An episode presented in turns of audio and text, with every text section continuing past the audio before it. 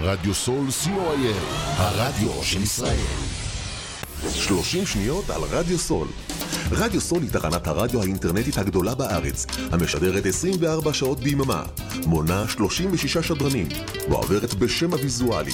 רדיו סול משדר במגוון סגנונות מוזיקה, מגוון גדול של תוכניות, אקטואליה, תרבות, הופעות live באולפן, מיסטיקה ודרך חיים, יהדות וסקירת אירועים הישר מהשטח. ניתן להאזין לרדיו סול באפליקציית רדיו סול ישראל או באתר האינטרנט radiosol.co.il רדיו סול co.il הרדיו של ישראל יש לכם ניסיון בניהול צוות במוקד טלפוני? חברת מגן מומחים למימוש זכויות רפואיות מגייסת ראש צוות למוקד הטלפוני שלה בפארק אפק ראש העין. לעוד פרטים יש ליצור קשר עם ליאת ממגן בטלפון 053-967-5550 053-967-5550 פודקאסט, אחד מהטרנדים החמים שיש היום. רוצים להקליט פודקאסט משלכם? רוצים שכל העולם ישמע אתכם? רדיו סול, הרדיו האינטרנטי הגדול בישראל, מזמין אתכם לאולפן ההקלטות האיכותי והמקצועי ביותר, עם פודקאסט אודיו ווידאו, כולל גרין סקרין. לפרטים נוספים חייגו 03-677-3636. עמותת כל נותן, המרכז לסיוע חברתי. עמותת כל נותן מסייעת למשפחות נזקקות, חיילים בודדים, נוער, נוער בסיכון, אנשים עם מוגבלויות וצרכים מיוחדים. העמותה מקימה תוכניות סיוע והעשרה בתחום התקשורת והמוזיקה ומקרבת בין תרבויות במגזרים השונים. תרומתכם קטנה כגדולה, יכולה לסייע לאלפי אנשים. לתרומות חייגו עוד היום, 03-677-3636. עמותת כל נותן, המרכז לסיוע חברתי. כל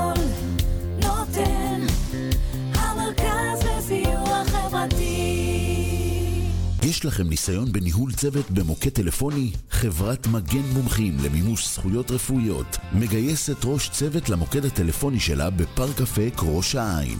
לעוד פרטים יש ליצור קשר עם ליאת ממגן בטלפון 053-967-5550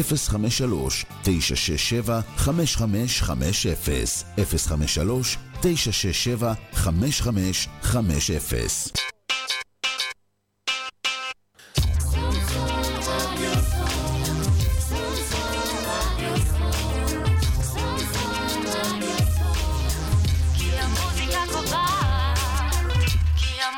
קובעת. עמותת כל נותן, המרכז לסיוע חברתי. עמותת כל נותן מסייעת למשפחות נזקקות, חיילים בודדים, נוער, נוער בסיכון, אנשים עם מוגבלויות וצרכים מיוחדים. העמותה מקימה תוכניות סיוע והעשרה בתחום התקשורת והמוזיקה ומקרבת בין תרבויות במגזרים השונים. תרומתכם קטנה כגדולה, יכולה לסייע לאלפי אנשים. לתרומות חייגו עוד היום, 03-677-3636. עמותת כל נותן, המרכז לסיוע חברתי. כל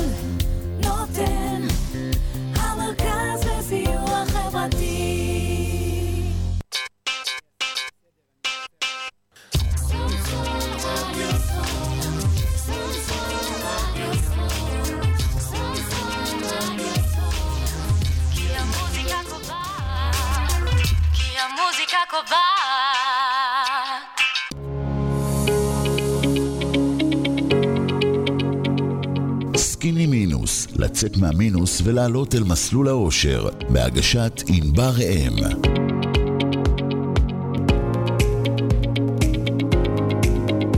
שלום וצהריים טובים, אני ענבר ראם, אתם מאזינים לתוכנית סקיני מינוס שמשודרת ברדיו סול כל יום חמישי בשתיים בצהריים. למי ששומע אותנו פעם ראשונה, אני יועצת לכלכלת המשפחה ואני עוזרת למשפחות לעבור ממינוס לפלוס, מהבראה לצמיחה. המטרה של התוכנית לדבר על כסף מכל מיני זוויות. השידור מועבר בלייב בפייסבוק של רדיו סול באנגלית. מוזמנים לשלוח לי במהלך השידור הודעות, שאלות, טענות, מענות, כל דבר. ומי שרוצה לדבר איתי בשידור, ניתן להתקשר למספר 03-677-3636, שלוחה 1 ושלוחה 2. היום, 118 באוקטובר, ועדיין 136, 136 אנשים שבויים וחטופים נמצאים בעזה. הלב שלנו איתם ועם המשפחות שלהם. נשלח תפילה שכולם יחזרו הביתה בקרוב, מקסימום עד השידור הבא. כל אדם הוא עולם, כל אדם הוא סיפור. המלחמה הזו יצרה אין ספור סיפורים. היום הזמנתי לאול... לאולפן את שרית לבנה, שתספר לנו את הסיפור שלה. שלום, שרית. צהריים טובים, ענבר. בואי נתחיל בזה שתספרי לנו קצת על עצמך. תציגי את עצמך. אמ, אז אני שרית לבני אשכנזי. אה, עוסקת בעיקר בכתיבת תוכן. אה, הדבר הכי משמעותי שקרה לי בשנתיים האחרונות הוא שלפני שנה וחצי עברתי לגור בשדרות. אבל זה, אבל אמנם מ-1987 אני בעוטף, אבל זה הדבר שהכי משמעותי שקרה לי. אמ, אני אימא לשלושה בנים בוגרים, אמ, שאוהבת לעשות כל דבר כדי לחיות את החיים. אה, אמרת שלפני שנה וחצי עברת לשדרות, אבל את לא חדשה בשדרות. את גרה בעוטף. אני גרה בעוטף מאז שנת 87 של המאה שעברה. זה נשמע כאילו מהדינוזאורים. נראה ממש דינוזאורים, כך שמה שקורה היום בהקשר של המלחמה, אה, אנחנו חווים אותו כבר עשרות שנים, לא בעוצמה הזו, אבל מבחינתנו כל מה שקוראים לו בתקשורת טפטוף, זה, זה מזעזע שוב מחדש. זאת אומרת, מבחינתנו טיל אחד או מטח טילים, זה אותה פחד, והשריטה רק אה, הופכת להיות יותר ויותר עמוקה. כי עברתם הרבה סבבים בשנים האחרונות. עברנו המון. אמ, אני רק אזכיר שבעופרת יצוקה, שזו הייתה המלחמה כביכול המשמעותית, עוד לא הייתה כיפת ברזל. אוקיי. אה, באותם, היה כבר צבע אדום? אה, היה צבע אדום, אז לא קראו לזה צבע אדום, קראו לזה, היה לזה משהו אחר, בקול נחש של צפה? אישה. לא, נחש צפה זה ממלחמת המפרץ. לפני צבע אדום היה משהו אחר, אה, אבל אחר כך תושבים ביקשו להחליף את זה. באותם ימים הייתי עורכת של מקומון באשקלון, שצריכה להפיק עיתון כל שבוע תחת אש, כשהכתבים בשטח, הצלמים בשטח, אה, שמגיעות כל הזמן תמונות של נפגעים ופצועים, ויש אזעקות, ואין איפה להסתתר. וואו. אף אחד לא דיבר אז על ממ"דים, בקושי היו מקלטים. אה, ומאז עברנו לא מעט סבבים, כל מיני מבצעים עם כל מיני שמות הזויים. אה, צוק איתן באמצע, שהייתה מלחמה קשה מאוד, אה, שבאותם ימים גם שני הבנים שלי נלחמו בעזה. אה, ומאז עוד מבצע ועוד מבצע, וכל פעם אותן הבטחות, זה פעם אחרונה, ואנחנו נמגר את חמאס, ואנחנו נחזיר לכם את הביטחון. אצלנו אומרים בעדה, נוק, אה, יוק, נאדה, שום דבר, כלום, הכל כן. אותו דבר. אבל למרות זאת, כל הסבבים, הרגשתם בטוחים? או שפחדת? כאילו, בכל ה... ביטחון זה משהו אה, מאוד סובייקטיבי. כי ברגע שיש את האזעקה, כל הגוף רועד. הגוף מגיב. אי אפשר להתעלם מזה, וזה לא משנה בין כמה אתה, וזה לא משנה כמה לא פעמים כבר מתרגלים שמעתי. לזה. אי אפשר להתרגל לדבר הזה. מי שאומר שהם מתרגלים, לא רוצה לומר שהוא משקר והוא לא דובר אמת. יודעים איך להתנהג כשזה קורה, גם אם זה בטיול עם הכלב למטה, וגם אם זה כשאת בבית, וגם כשאת נמצאת בסופר, והסופר הוא עם גג של תקרת פח, במקרה הרע, במקרה הטוב אולי תקרת רביץ, זה לא מגן עלייך בשום מקום. אה, זה מזעזע לראות ילדים בני שנתיים כשיש אזעקה או צבע אדום, תלוי איפה אתה נמצא באזור אה, של הנגב המערבי, אנחנו לא אוהבים לא לקרוא לזה עכשיו העוטף, הם ישר משתטחים על הרצפה ושמים ידיים על הראש. ילד בן שנתיים לא צריך לדעת לעשות את נכון. זה. זה פשוט קורע את הלב כל פעם לגמרי. מחדש. את יודעת מה מזכירה לי? אה, הבן שלי, אה, הוא עכשיו נלחם בעזה, הוא, הוא חייל בגבעתי והוא עכשיו נלחם בעזה, והוא בא הביתה באחת, לאחד האפטרים הקצרים די בת, אה, אחרי איזה חודשיים, משהו כזה, ואז הוא אמר לי, אמא, אה, אני, אני, אני יודע מה זה צבע אדום, כאילו כשיש צבע אדום אנחנו משתטחים על הרצפה, כי אין, אין אה, זמן בכלל, אין מקלט ואין כלום, פשוט נשכבים על הראש עם ידיים על הראש. איך אני אדע שיש אזעקה? אני לא יודע, יש צפירה של יום כיפור, של יום הזיכרון, אבל איך אני אדע שיש אזעקה? ואמרתי לו, אופיר, יהיה בסדר, כשתהיה אזעקה אתה תדע שיש אזעקה, אי אפשר להתבלבל, זה לא באמת... אה, באמת, בפעם הראשונה שהייתה אזעקה, כשהוא הוא הלך לשחק כדורגל, התקשרתי אליו ואמרתי לו, עכשיו, תשכב איפה שאתה תשים ידיים על הראש, כי לא יודעת מה, אבל כאילו זה, זה באמת, כמו שאת אומרת, לא מתרגלים אי אפשר לדבר הזה. להתרגל לזה. ואיך התעוררתם? 7 לאוקטובר, שבת בבוקר, אני מחזירה אותך ארבעה חודשים אחורה. שש וחצי בבוקר, כל הסיפורים מתחילים אותו דבר. אני הייתי רגע אה, אה, מלצאת עם הכלב בכלל. יודעת, כל, יש המון דברים שאנחנו חושבים עליהם בדיעבד. לו הייתי יוצאת בשש וחצי בבוקר והייתי יוצאת לשדות, מאח- מאחורי הבית שלנו זה השדות של אור הנר וברור חיל. אה, באותה בוקר לא התעוררתי אה, מוקדם כל כך, אבל שש וחצי מצאנו את עצמנו, אה, בן זוגי והבת הצעירה שלי, שהיא בת 26, מלאו לה בשבוע שעבר, מזל טוב. אה, בממ"ד.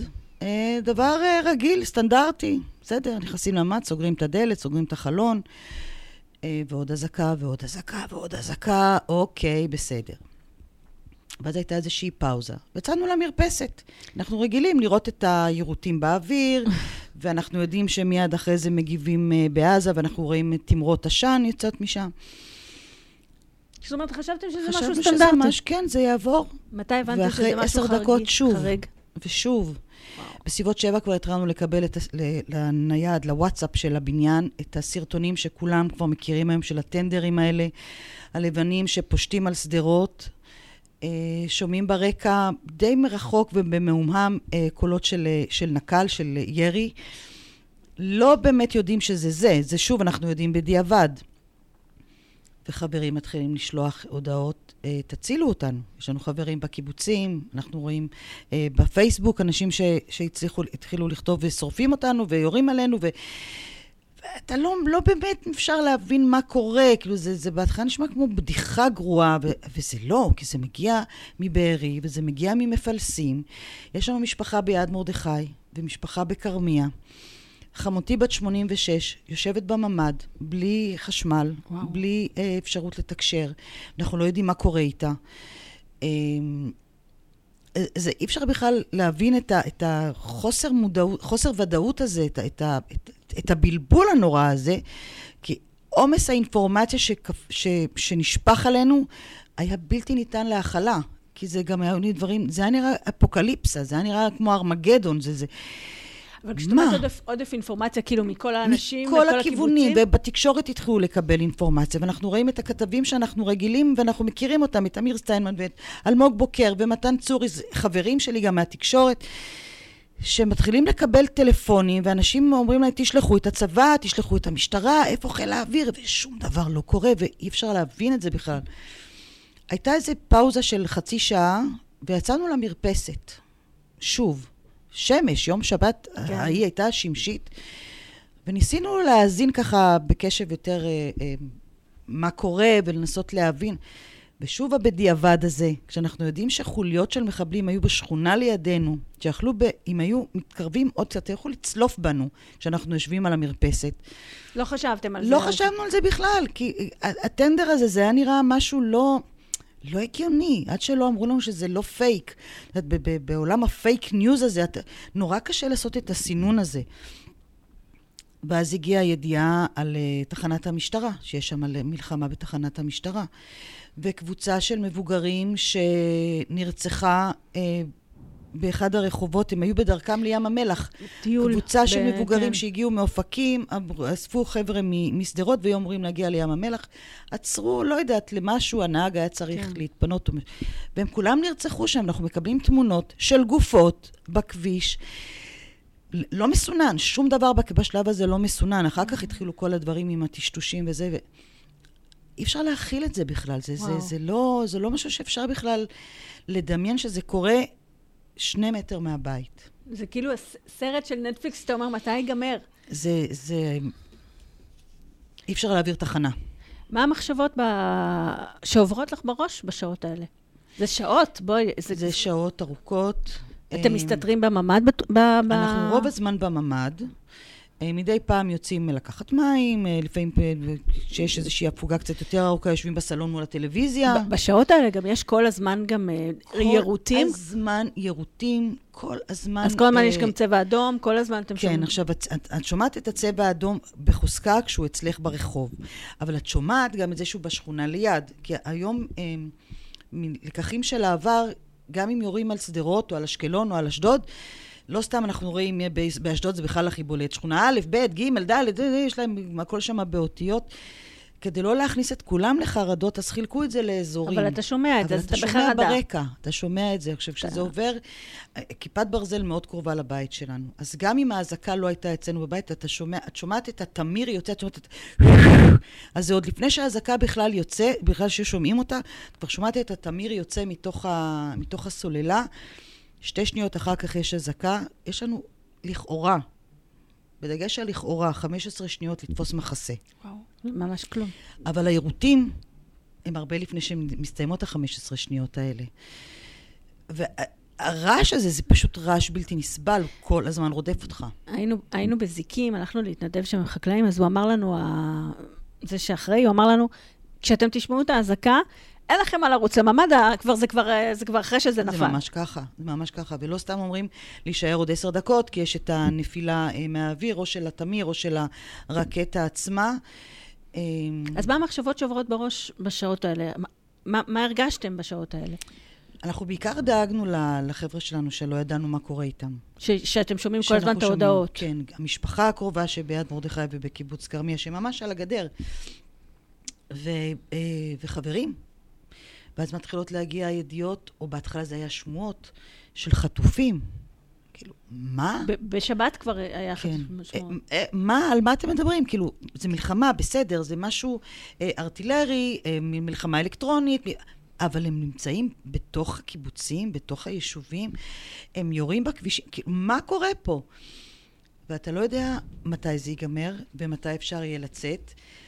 זה, אנחנו מצאנו את עצמנו דואגים לדברים שהם די דבילים. כמו מה, למשל? יש לנו כלב, אוקיי. הוא לא יצא בשש וחצי בבוקר, הוא גם לא יצא 36 שעות מאז שזה התחיל. אנשים מדברים על עצמם, היינו המון שעות בממ"ד, יש גם בעלי חיים בתוך הסיפור הזה. והוא כלב חרדתי, הוא כבר uh, היה גם בלא מעט אה, מבצעים ו- ותרגולות, והוא היה צריך להתאפק. ואז אתה אומר, בסדר, הוא מתאפק. מה קורה עם אימא שצריכה להאכיל את התינוק שלה? מה קורה עם קשיש שצריך לעשות אפילו בדיקות סוכר, כדי לדעת כמה אינסולין להזריק. הוא הספיק בכלל לקחת איתו את, ה, את המזרק למ... מה קורה עם האנשים האלה? והמחשבות האלה פשוט מתסכלות, כי את, את לא יכולה באמת לעזור. אין לך דרך לסייע, ואני אומרת לעצ... אמרתי לעצמי, אם אני רוצה לשמור על עצמי, אני צריכה לחשוב על עצמי. ועל מי שנמצא איתי פה בארבע אמות שלי, כי אחרת אני אשתגע. וזה משהו שמלווה אותי גם עד היום, שאני לא יכולה לחשוב על כולם. סיפרתי לך לפני השידור שמ-7 באוקטובר אני לא בכיתי. נכון, אני בוכה בשבילך, זה בסדר, אני כל דבר קטן כמו... ואני באמת אדם שבוכה מכל דבר, מסרט מצויר ומשיר ומאוכל שמעלה לי זיכרונות. ואני לא בכיתי מה-7 באוקטובר, אין לי מספיק דמעות לבכות על כולם. וזה חלק מה, מהדרך שלי מה- לשמור על עצמי. מההגנה. אני באמת לא יכולה, לא יכולה. אני חלק מהחברים שלי, אה, לא דיברתי איתם מה-7 באוקטובר, אנשים שהיו שם. אין, אני לא מוצאת בי את הכוחות להתקשר ולשאול, ואני אני גם לא רוצה להעמיד אותם עוד פעם במצב הזה של יספרו עוד פעם ועוד פעם את הסיפור שלהם. אז אני שולחת לבבות בוואטסאפ, כדי שהם ידעו שהם בליבי ואני חושבת עליהם ו- ו- ואני עוקבת אחריהם. ויש לנו לב עם, לב עם ארבעה חדרים. כשנולד ילד ראשון אומרים, הלב קצת גדל. כשאומרים, ייוולד הילד השני, אין, איפה אני אכניס אותו? איפה תהיה לי אהבה לעוד אחד? אבל גדל חדר. והוא גדל עוד, גדל לעוד חדר. ואז נולד הילד השלישי והלב גדל. אבל הלב פה עומד להתפקע. ויש תסמונת רפואית. הלב השבור. הלב השבור. פעם חשבו שזה סתם אנשים מתים מצער, היום זה, זו תסמונת רפואית מוכרת. ואם אני רוצה לשמור על עצמי, אז אני צריכה שיהיה לי לב שלם.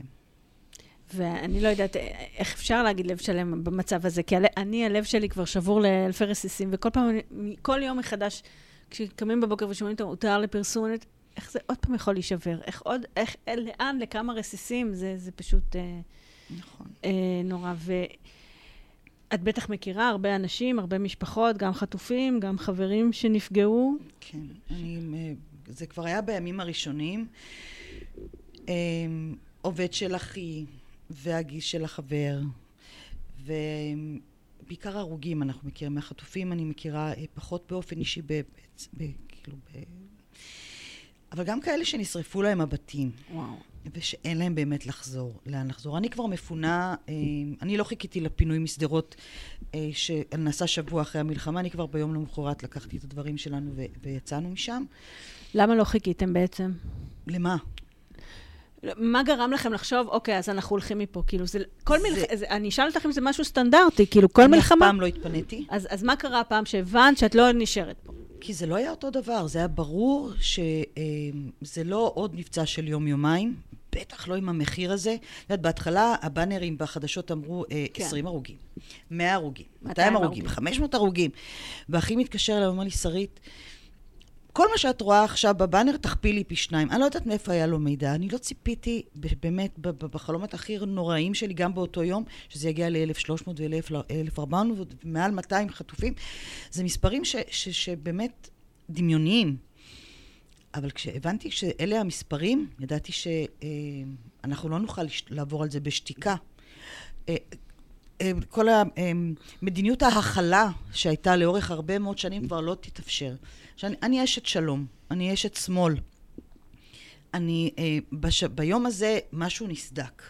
אני עדיין מאמינה בשלום, ואני עדיין חושבת שצריך לעשות מאמצים כבירים כדי ש... שזה יקרה, כדי שהילדים שלי והנכדים שלי ו... ודורות אחריי יוכלו לחיות כאן בביטחון. השלום הוא לא כדי שנתחבק איתם ואני אלך לגור, אה, לקנות אצלם בשווקים או להיות ב... בחוף הים בעזה. לא משם, אני רוצה שקט. שקט. שקט לאורך זמן ושקט אמיתי. כי כל מה שהיה עד עכשיו זה הפסקות אש ממושכות. זה לא היה באמת משהו שאפשר... וטפטופים. וטפטופים. טפטופים זה עכשיו ינואר, גשם, לא, לא, טפטופים זה לא בטילים. וכשהבנתי שזה, ש, אה, שזה גודל האסון, וכל כך הרבה מספרים, וכל כך הרבה קברים, וכל כך הרבה גופות, ועדיין מוטלות, אמרתי, "זה- אני לא יכולה להישאר פה, כי אם יעבור עלינו עוד יום אחד כמו שהיה בשבת, עם האזעקות האלה, א- אנחנו נתמוטט. אנחנו צריכים למצוא מקום קצת יותר רחוק. אז עוד לא תיארנו לעצמנו שכל כך מהר תהיינה אזעקות גם בתל אביב וברחובות, וב... ושתתחיל גם אה, מתקפה מהצפון. זה דברים שהתפתחו... תוך כדי. תוך כדי. אז אנחנו עזבנו יום אחרי את שדרות, אמ, את מי שמוכרים ברווחה, או משפחות עם, אמ, אה, שזקוקות לעזרה, פינו גם פחות או יותר ביום הזה, ואת כל העיר פינו רק שבוע אחר כך לבתי מלון. אנחנו בחרנו שלא להגיע לבית מלון. אה, וזהו. אז לאן התפניתם בעצם? אה, היינו עשרה שבועות בבית של הבן שלי ברחובות, אה, שרק ניסה חצי שנה, ארבעה חודשים לפני שהתחילה המלחמה. אפשר הבאת את, החמות. ממש לפרצוף, את החמות, את החם, את האחות. והגיסה והכלב, וגם להם יש כלבה. דירה חמודה של שלושה חדשים, שלושה חדרים, ללא ממ"ד, קומה שלישית, צריך לרדת למקלט, אבל יש דקה, לא 15 שניות. זה. באיזי. אפשר להספיק אה, לנעול את הנעליים, אפשר אולי לצחצח שיניים עם תורים באמצע הלילה. זה משהו אחר, באמת היה שם שקט די הרבה זמן. אבל אז, אה, שוב, כי אני שומרת על עצמי, אמרתי את זה כבר, אמרתי, אם את רוצה נכדים, אז כדאי שת- שתצאי משם. ולפני אה, שבעה שבועות בדיוק עברנו לדירה ביפו, שכרנו דירת גן חמודה, ומאז אנחנו שם. מהמם. אז אנחנו נצא להפסקה קלה, אה, ואחר כך נמשיך את הסיפור המרתק אה, שלך.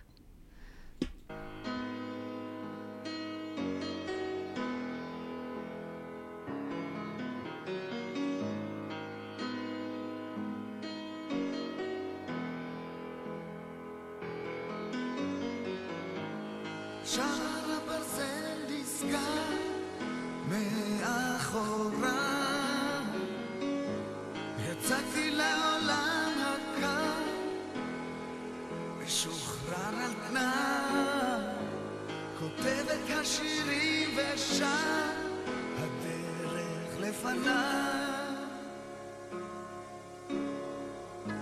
מלון עם חדר להשכיר רחובות חשמל פוסע במעגל עליתי לבמה לשיר מחפש קהל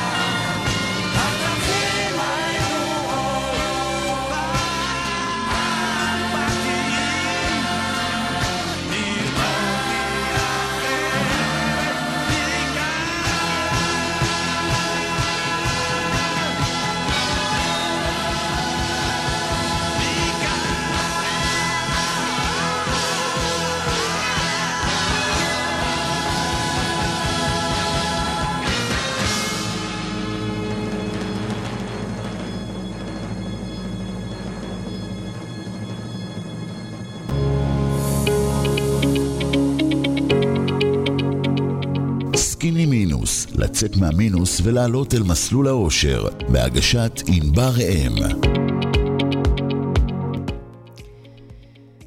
שרית, לפני הפסקה, בדיוק סיימנו, ס- ס- סיימת לספר שהגעתם ליפו. וקמים, אני רוצה לשאול אותך, איך, איך קמים בשמיני לאוקטובר, ומה? כאילו, את יודעת, שמיני לאוקטובר כ- כמילת קוד כזה, קמים ביום שאחרי, ומה? תראי, היום אה, זה יום האופטימיות הבינלאומי. היום? היום ממש. ואני חושבת שבלי אופטימיות, עם כל הצער והכאב, עם כל היגון, אה, בלי זה אנחנו לא היינו כאן. אי אפשר, אה, אני אגיד לך מה, אני קמה בבוקר ואני נושמת, אני אומרת, אוקיי, זה יום שאני צריכה לעבור. ואם אני צריכה לעבור אותו, אני צריכה לעבור אותו הכי טוב. בשביל עצמי, בשביל המשפחה שלי, בשביל הילדים שלי, בשביל העסק שלי. אני לא יכולה להרשות לעצמי להיות כל הזמן בדיכאון. אני חושבת שאם היינו מתפנים למל... לבית מלון, אה, והיינו ניזונים מה... מהצער והכאב של כל כך הרבה אנשים ש... שהיו מסביבנו, היה לנו יותר קשה להתאושש. כן, את לא מרגישה שזה היה עוטף אתכם ומחזק אתכם? לא, אני חושבת שזה היה מוריד אותי. כי הייתי עסוקה אולי בלעודד אחרים, והיו מנסים לעודד אותי, כשאני לא באמת צריכה את זה, כי אני יודעת לשמור על עצמי. אה, הייתי אולי נשאבת לעשייה ולתרומה שאני לא מזלזלת, זה בכלל זה היה בטח מוסיף לי ומספק אותי בצורה מאוד מאוד אה, אה, אה, עמוקה, אבל לא הייתי יכולה להתעורר מזה. זה היה נמשך ונמשך, ואני רואה, אני רואה חברות שלי וחברים שלי שנמצאים כבר שבועות ארוכים בבתי מלון. אה, במיוחד אלה שיצאו לחל"ת או לא יכלו להמשיך לעבוד, הם שוקעים. זה לא עוזר באמת אה, שיש פעילות לילדים, ומגיע איזה אומן, ויש חוגים. זה פלסטרים. זה עושה כיף לרגע, אבל אתה חוזר אחר כך לחדר שלך, ואתה מסתכל על הקירות האלה, ואתה אומר, במה עכשיו? גם קשה להתמודד, כי זו משפחה, נגיד, של חמש נפשות, שש נפשות, בחדר אחד. זה... אלה שיש להם ילדים, נגיד, בגיל ההתבגרות ומעלה, חלקם קיבלו גם אה, חדרים אה, לילדים האלה, אבל כשזה ילדים קטנים, אין, אין טיפת אין- רגע שקט, שום פרטיות, שקט, לחשוב... שום אה, פרטיות, שום אינטימיות, זה כל הזמן להתעסק ולהתעסק ולהתעסק, בטח בשבועות הראשונים. עכשיו, ברוב המקומות, אם לא, אם לא בכולם, אני לא, לא בקיאה בפרטים לגמרי, אבל אה, יש מסגרות חינוכיות ויש אה, מעסיקים את הילדים. ובכל זאת, התחושה הזאת של הביחדנס, אה, בטח כשאתה מגיע מ- מעיר ולא מקיבוץ, כי בקיבוץ אתה בלאו הכי, אתה מכיר אותם, ואתה יודע, ויש את הוועדות, ויש, כל אחד יודע בדיוק מה הוא צריך לעשות ולמה וכמה. זה אחרת. אמ, לקום בבוקר ולנשום זה בונוס, באמת. אני חייבת להעסיק את עצמי כל הזמן בדברים אחרים, לא רק אני, גם בעלי שהמשיך לעבוד בשלושה ארבעה ימים הראשונים, ככה עוד לא, כמו כולם עוד היינו קצת בשוק, אבל הוא יוצא כל בוקר לעבודה וחוזר אחר הצהריים. אה, הבת שלי אמנם הוציאה אותה לחל"ת, אבל היא לומדת, היא התחילה ללמוד אה, כשהתחילה השנת לימודים. חייבים להעסיק את עצמך. אם כל הזמן אנחנו נתעסק אה, במה קורה ולמה ואיך ומה לא עשינו נכון, זה לא ייגמר. וזה לא סותר את זה שהדאגה שלנו לחטופים ולחיילים היא יומיומית, שעה-שעה, דקה-דקה. אנחנו יכולים לעשות מה שאנחנו רק יכולים אה, כדי שהם יחזרו. אז אבל ההחלטות מעסיקה האלה את אצלנו. איך את מעסיקה את עצמך? כי אני יודעת ש... שאת לא רואה הרבה חדשות. אני, כן, בהתחלה הייתי מחוברת באינפוזיה, כן. כמו כולם, גם אם הייתי כותבת, כי כמו שאמרתי, אני כותבת תוכן, וזאת העבודה שלי, לכתוב כל הזמן, ו, והטלוויזיה דלקה כל הזמן ברקע, ואז אמרתי, לא, די, סטופ, את חייבת למנן את זה, כי זה שואב אותך. אז אני, עושה, אני עובדת, אה, ואני מטיילת עם הכלב, חוזרת לחיים השגרתיים שהיו לי גם קודם, למרות שאני בהכי לא שגרה שאפשר. זה לצאת עם הכלב, וזה לבשל, ולעשות קניות מינימליות, גם אם זה לעשות אותם אה, אונליין. אה, אז הכרתי קצת את רחובות דרך הרגליים, ועכשיו אני מכירה את יפו דרך הרגליים, ובשבועות האחרונים אני גם נפגשת יותר עם חברים וחברות, סתם בשביל הכיף. שכחנו מה זה לעשות כיף, שכחנו מה זה ליהנות, יש את כל הזמן את המקום הזה של המתנצל, של איך אני יכול ליהנות, איך אני יכול לשמוח, כשיש כל כך הרבה הרוגים וחטופים ו- ואנשים עצובים. ו- ורגשות אשם, שאני ורגשות במש... אשם שאני, בסדר. אצלי לא קרה כלום, לכאורה לא קרה כלום.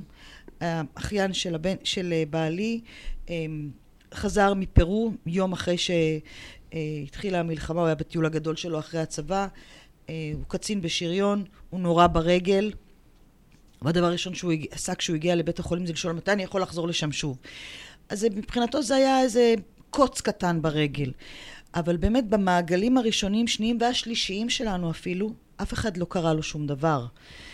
אה, אבל בת גרעין שלי, הבן שלה פצוע קשה מאוד והוא מאושפז בתל השומר, הוא איבד רגל, הוא, הוא, הוא יסבול הרבה מאוד שנים עוד, אה, יש לו תהליך שיקום מאוד מאוד ארוך. אה, מישהו נוסף, בחור צעיר נוסף מקיבוץ זיקים, גם נפצע מאוד קשה, אז אנחנו שומעים ואנחנו עם ההורים ואנחנו מתעדכנים וזה... אבל אנחנו יכולים רק להודות על זה שלא קרה לנו שום נכון. דבר. ואם היה קורה לנו משהו, אז מה? אז יש פה איזושהי תחרות למי יותר עצוב, למי יותר קשה? לא. לא רוצה להיות במקומם. מודה על זה שאני לא במקום הזה. אמ, וזה לא מפחית מהצער. לגמרי. אבל איך מתמודדים מחוץ לבית כל כך הרבה זמן? אמ, אמרתי שיום האופטימיות היום? היום, כן, אוקיי. אמרת.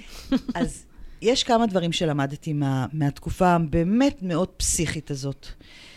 אמ, דברים שכנראה היו בי גם קודם, אבל קיבלו היום עוצמות מאוד מאוד גדולות, זה שחייבים, אם אין לך את זה, אתה חי, חייבים לפתח אה, מידה של גמישות.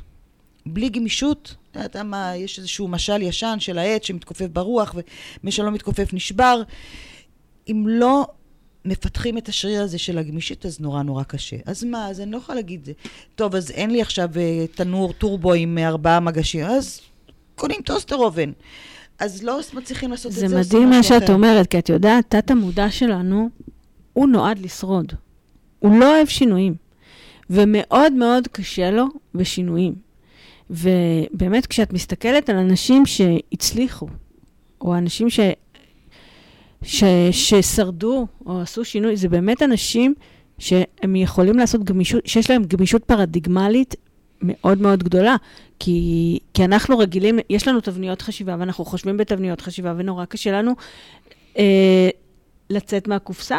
זה החלק הכי קשה, ואת אומרת, ו- וזה מדהים שאת אומרת ש- שזה הדבר הראשון שצריך, זה את היכולת הזאת להיות בגמישות. נכון, ואני יכולה, שוב, המילה בדיעבד, אחרי השידור תספרו כמה פעמים אמרתי את המילה הזאת, אבל בדיעבד אני רואה שזו תכונה שמלווה אותי לאורך כל החיים. היכולת להיות גמישה, היכולת להתאקלם לדברים חדשים, להסתגל לדברים חדשים. אני עברתי לא מעט מקומות עבודה, כי ככה התחשק לי. קמתי בבוקר עם ג'וק, אמרתי, אם פה אני מתפטרת, אני הולכת למקום אחר.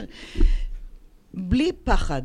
זה איזשהו משהו שמניע אותי, הש- על השינוי, על להתחדש, זה חלק מאוד מאוד גדול בגמישות. אנחנו יצאנו מהבית עם מזוודה וחצי, וגיליתי שזה ממש נעים לי לחיות במי, במינימליזם. אז אני לא צריכה לקנות כל כך הרבה דברים, ואני מחליפה בגדים עם הבת שלי, ואני שוט, מכבס, מכבס ולבש, ויש ארבע כפיות בדירה שאנחנו שוכרים, כל הזמן שוטפים את זה, והכל בסדר. העולם לא התמוטט. הדבר, הדברים החומריים, שקודם, גם אם לא רדפתי אחריהם במודע, זה מגדיר הרבה מאוד מאיתנו. איזה אוטו יש לי, אז האוטו שלי עכשיו הוא טוטלות, שבוע שעבר קרתה תאונה, גם אין לי את הרכב הפרטי שלי, יש רק את הרכב של בעלי. ואני לא. לא מיהרתי אפילו ללכת לקחת את הרכב החלופי, כי יש רכבת קלה. וואי. בשדרות נראה לי עד שתהיה רכבת קלה, אנחנו, אה, יעבור עוד עידן הקרח ועוד אה, עידן הדינוזאורים זה פשוט הבא. מדהים שהחמאס בנו מנהרות עם כפית אה, את כל יודעת עזה, ופה לוקח קו אחד. אולי צריך לעשות פה עונש אה, עבודת פרך, ולתת לא יודעת. להם לחפור עם מנהרות, עם כפיות, את לא המנהרות יודעת, שלנו. פה 20 שנה לקח לחפור מנהרה אחת, שם את כל עזה הם חפרו באותו זמן בערך. אבל אה, אז גמישות ו- ומינימליזם זה דברים ש- שמלווים זה אותי פשוט- ועושים לי טוב. זה, זה, זה ערך מדהים, מינימליזם, כי במיוחד, את יודעת מתי אנחנו מגלים את זה באמת? בעיתות משבר. נכון. כי אנחנו כל כך מכורים ל- לחפצים, ואנחנו כל כך משועבדים לחפצים, ואז בסופו של דבר, כשקורה כזה משבר, ואתה צריך להחליט, מעכשיו לעכשיו מה אתה לוקח, אתה מבין כמה שזה שטויות, כמה שהדבר הכי חשוב זה האנשים לידך, זה החוויות נכון. שצברת, זה ה... אז כאילו הדברים האלה, עוד, עוד, אה, עוד אה, ספה יפה, עוד... אה, עוד טלוויזיה 60 אינץ' בסלון, לא, אה, לא, זה- עוד זה בגדים, לא. זה, בסוף זה, זה רק, כן. זה רק חפצים שה- דוממים. חייבים, הדבר ש, שאנחנו כאנשים ש, אה, שמתעוררים וקמים מכל אה, משבר כזה, זה באמת לצבור זיכ, זיכרונות ולצבור דברים טובים. ואני חושבת שלמדנו את זה אה, גם בקורונה, כשאנשים פתאום אמרו, וואי, לא ראיתי את סבתא כל כך הרבה זמן, ומה נעשה? איפה התמונות, ופתאום הזום, ולראות אנשים, זה היה הרבה יותר חשוב מלכרטס אה, טיסה להולנד עם המשפחה. רצינו רק לחבק ורק להרגיש ורק להיות נוכחים. וזה זה משהו שצריך להמשיך ולשמר, ולא לא לחכות למשבר הבא. אני, אני סיפרת שאת אה, בעלת עסק, את אה, כותבת תוכן. איך מתמודדים עם העסק? אמ, לשמחתי, אה, הלקוחות שאני עובדת איתם, אה, רובם לא, מה, לא מהנגב המערבי, סוגריים אה, עוטף עזה, וכבר בשבת התחלתי לקבל טלפונים של מה נשמע ומה קורה ואיך את ומה את וזה וזה. ואני אחרי איזה שלושה ימים כתבתי, אה, טוב, אני, אני לא נראה לי שאני אעמוד בדיידליין הזה. הוא אומר, את השתגעת, מי בכלל חושב עכשיו על המאמר הזה או על הכתבה הזאת, על האתר הזה? הכל ב hold, הכל בסדר. הם לא עצרו אבל את התשלומים. וזה משהו שבאמת, אה, זה מרגש, את אין, יודעת. אין, אין מילים, ה- כאילו, באמת. הסולידריות הזאת. אה, וזה לא שאת יודעת, יכולתי להיות חולה ולהגיד, אה, תשמע, אני, אני ממש לא, לא מרגישה טוב, וזה אה, זה מתעכב באיזה יום-יומיים, וזה גם היה עובר בסדר. למרות שאני יודעת שגם עם 40 מעלות חום, אז אני, אם אני מחויבת לדדליין, אני, אני אסיים את מה שאני צריכה לעשות. אבל הם כל כך הבינו, והם כל כך היו אה, אמפתיים וסימפטיים, גם, גם האמפתיה וגם הסימפתיה.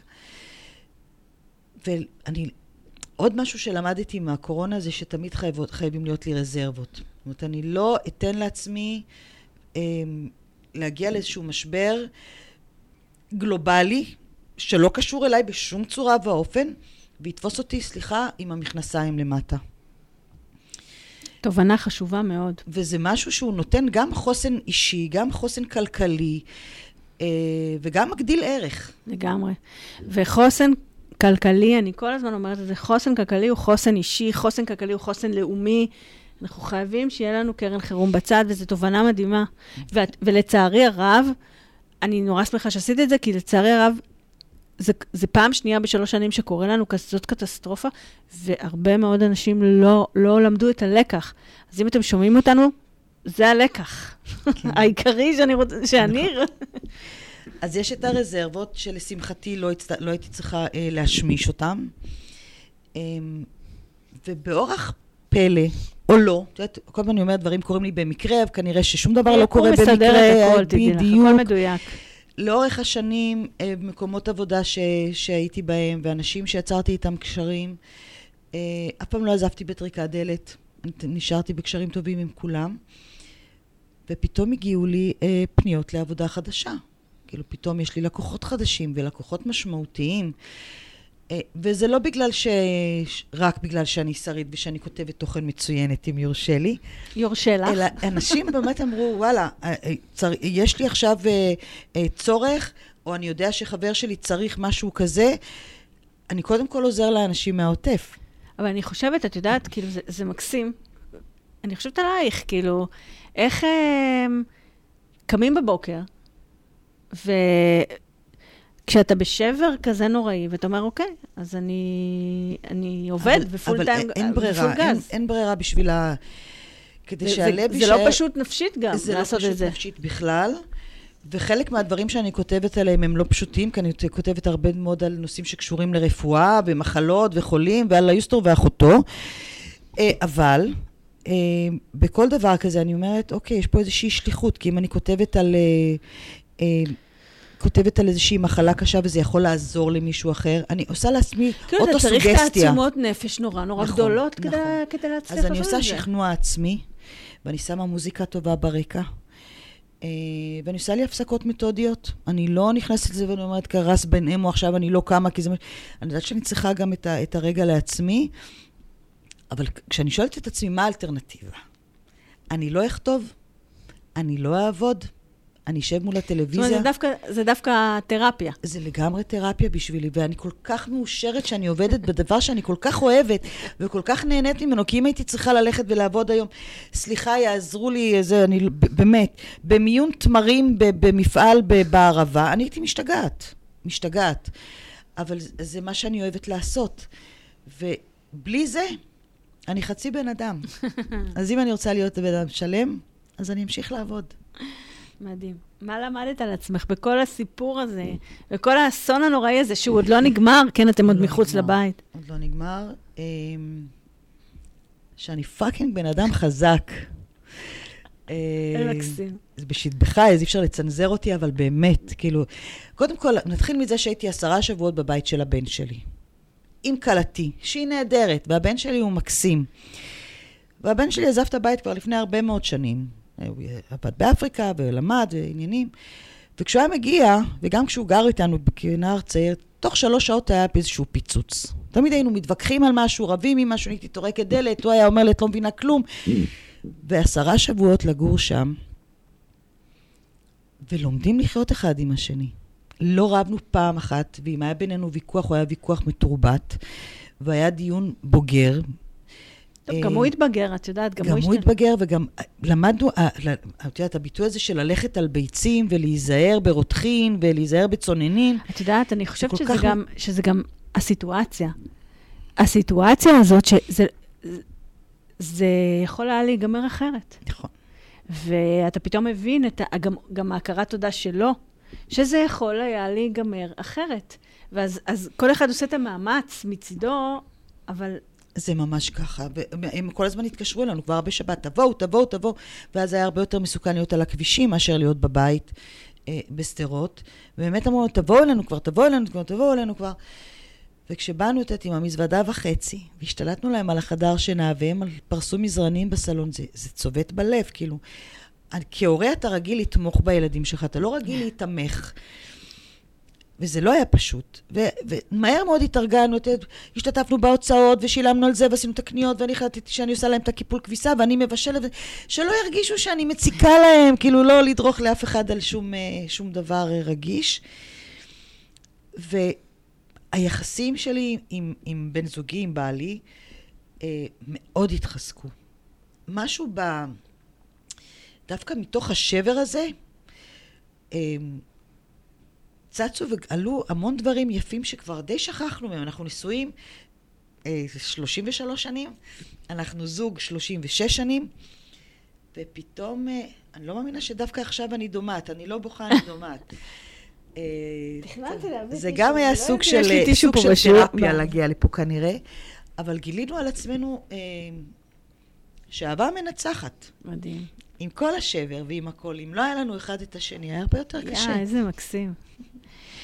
תגידי, מדברים עכשיו על לחזור בשדרות, לשדרות? מה, את, את, אתם אה, חושבים על זה בכלל? הדיבורים האלה הם נורא, נורא אה, מבלבלים. כי פעם שומעים את זה מפיקוד העורף, ופעם שומעים את זה מצה"ל בכלל. אה, בעירייה לא ערוכים לקבל את התושבים. אה, לפני שלושה ימים לדעתי, אלמוג בוקר בערוץ 13 אה, אמר שכנראה יש איזושהי הצעת מחליטים או משהו כזה, אה, שאנחנו נהיה מפונים עד יולי. וואו. מהסיבה הפשוטה שלא רוצים לטלטל שוב את הילדים ממוסדות החינוך שאך נפתחו במקומות הזמניים שלהם, מה שאומר שאם הרוב לא חוזרים עד יולי, אז גם למעטים אין סיבה לחזור, כי שום דבר אחר לא יהיה פתוח. גם היום אה, אה, חנויות או ב- מקומות פנאי ובילוי וזה פתוחים למספר שעות מצומצם ביום, אבל שירותים אחרים יותר רחבים אה, עדיין סגורים. ברגע שתהיה אפשרות אמיתית לחזור, אנחנו נחזור לשדרות. אני כן, יודעת את לא, זה- את לא חושבת אה, לא, לוותר לא, על... אני על- לא חושבת לוותר, אני בטח לא חושבת לקבוע את משכני אה, אה, במרכז, למרות שאני נהנית פה, אה, אבל זה לא מקום שאני מתחברת אליו. אה, אני אחזור לדרום, בדרך כזו או אחרת. מה נאחל לך? וואו. אה,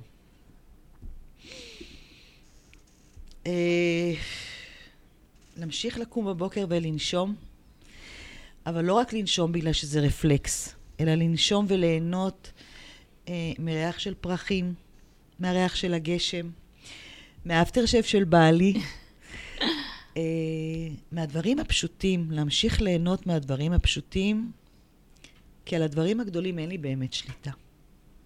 אמן. תודה. שרי, תודה רבה. תודה לך.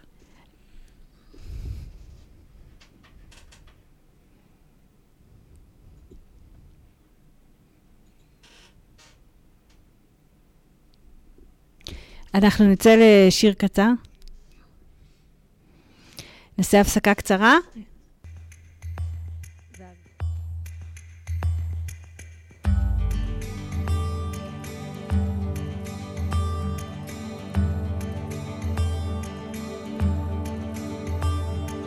משהו מתחיל, מתגלגל ברחובות, משהו אחר יורד במדרגות. משהו קורה תופס לו בזנב. משהו חדש מתחיל אצלי. עכשיו מישהו מוכר עומד ומסתכל. אמצע הרחוב ומישהו אוכל. כמה רעשים הופכים כבר למקצת. משהו חדש מתחיל אצלי. עכשיו תמיד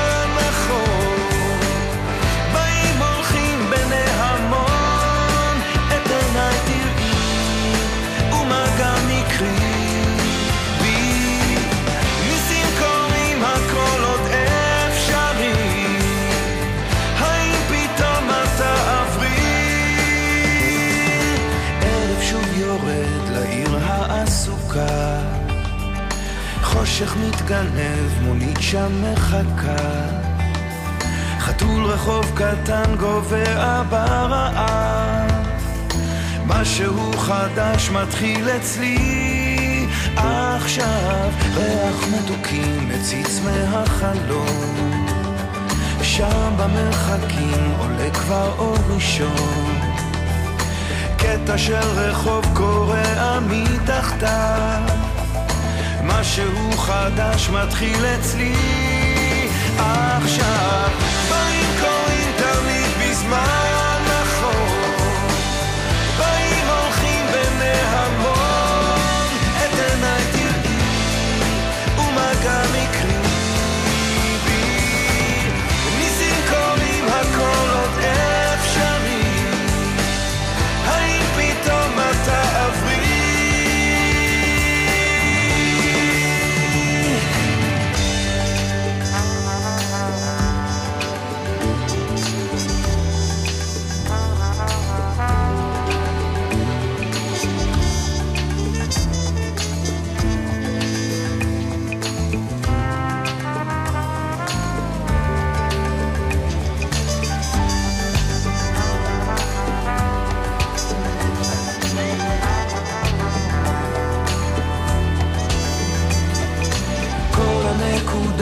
מתחברות לקו.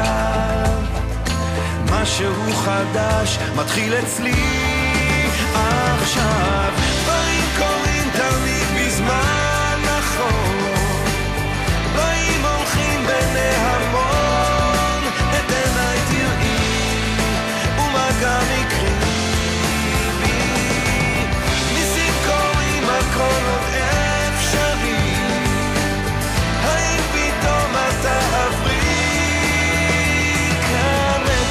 שלווה, אני עוד פה לבד. זוג צעיר עובר, מחזיק לו יד ביד. מעבר לפינה פנים, חיוך.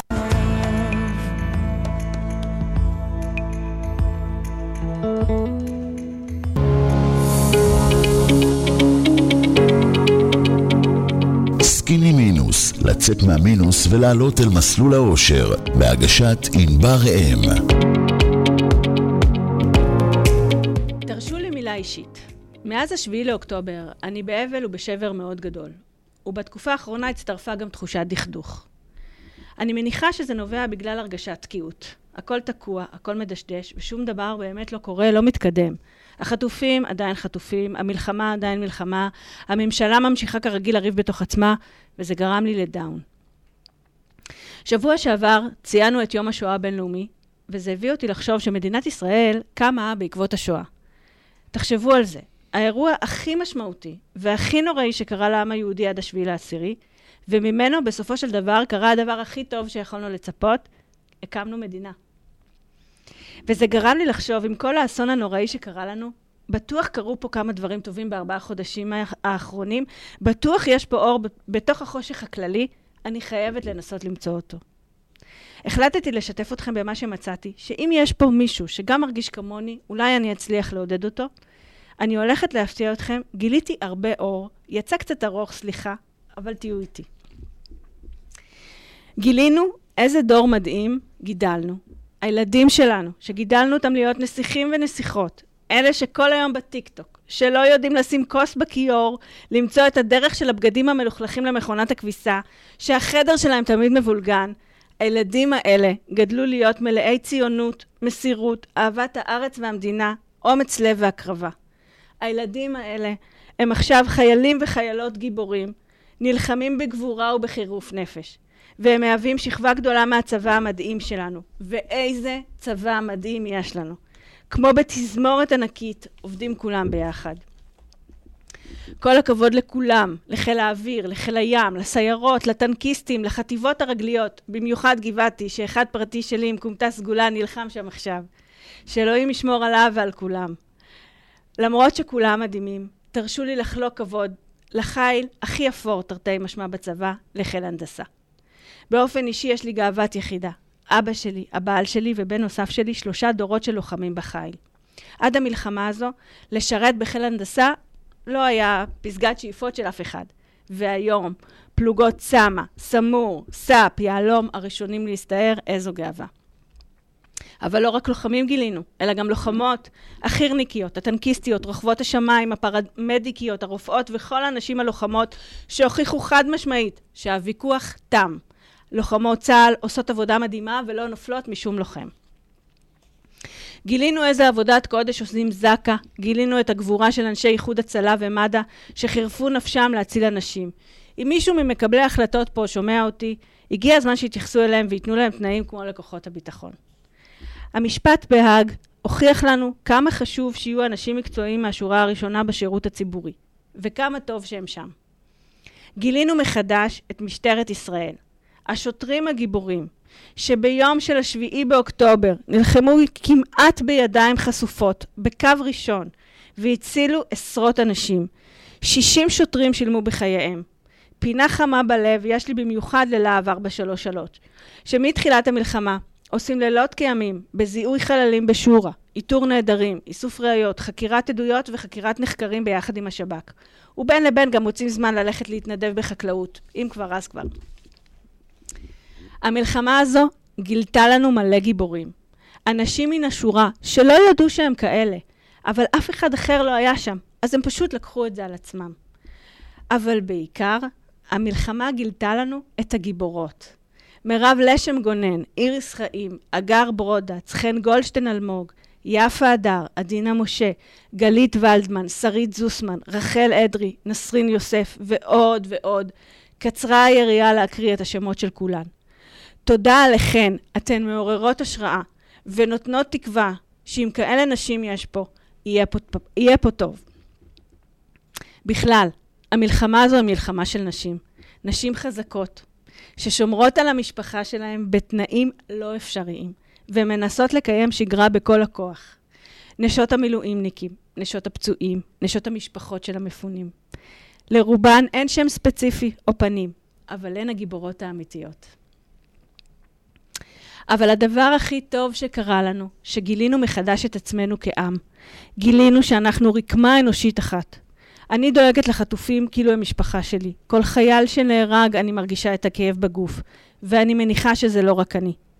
גילינו מחדש את האחווה והסולידריות בינינו. כולם התגייסו לעזור, לתרום, לסייע, להסיע, לשנע, להכיל. כל בקשה קטנה, כולם קופצים לעזור. מהמילואימניקים ועד החקלאים. גילינו שכולנו באותה סירה, וכולנו אחים, ולא משנה אם אנחנו יהודים, דרוזים, בדואים, ערבים, מוסלמים, נוצרים, דתיים או חילונים. מי שניסה לפגע, עשה את זה, עשה את זה ללא הבחנה. ונפתח לנו חלון. יש לנו פה הזדמנות פז לקבוע את כללי המשחק מחדש בתוך עצמנו כעם. ויש ניצוץ קטן, ניצוץ קטן של סיכוי שיקרה פה משהו היסטורי ביחד עם האויבים שלנו. זה יהיה קשה, זה מצריך אומץ, זה יצריך לשלם מחיר יקר, אבל נקווה שנהיה חכמים ולא ניתן להזדמנות הזו לחמוק מאיתנו. התפקיד שלנו עכשיו לשמור על זה. אנחנו חייבים להיות מאוחדים, להיות ראויים לאלה שהקריבו את עצמם למעננו, לוודא שזה לא היה לשווא. האחריות שלנו להגביר את האור. כל אחד מאיתנו צריך לחשוב מה הוא יכול לעשות בחלקת העולם הקטנה שלו. איזה פעולה אחת אני עושה או עושה היום שיביא טוב. לסיום, נאחל ונתפלל שהמלחמה תסתיים ושכולם יחזרו במהרה. עם ישראל חי. תודה רבה לס...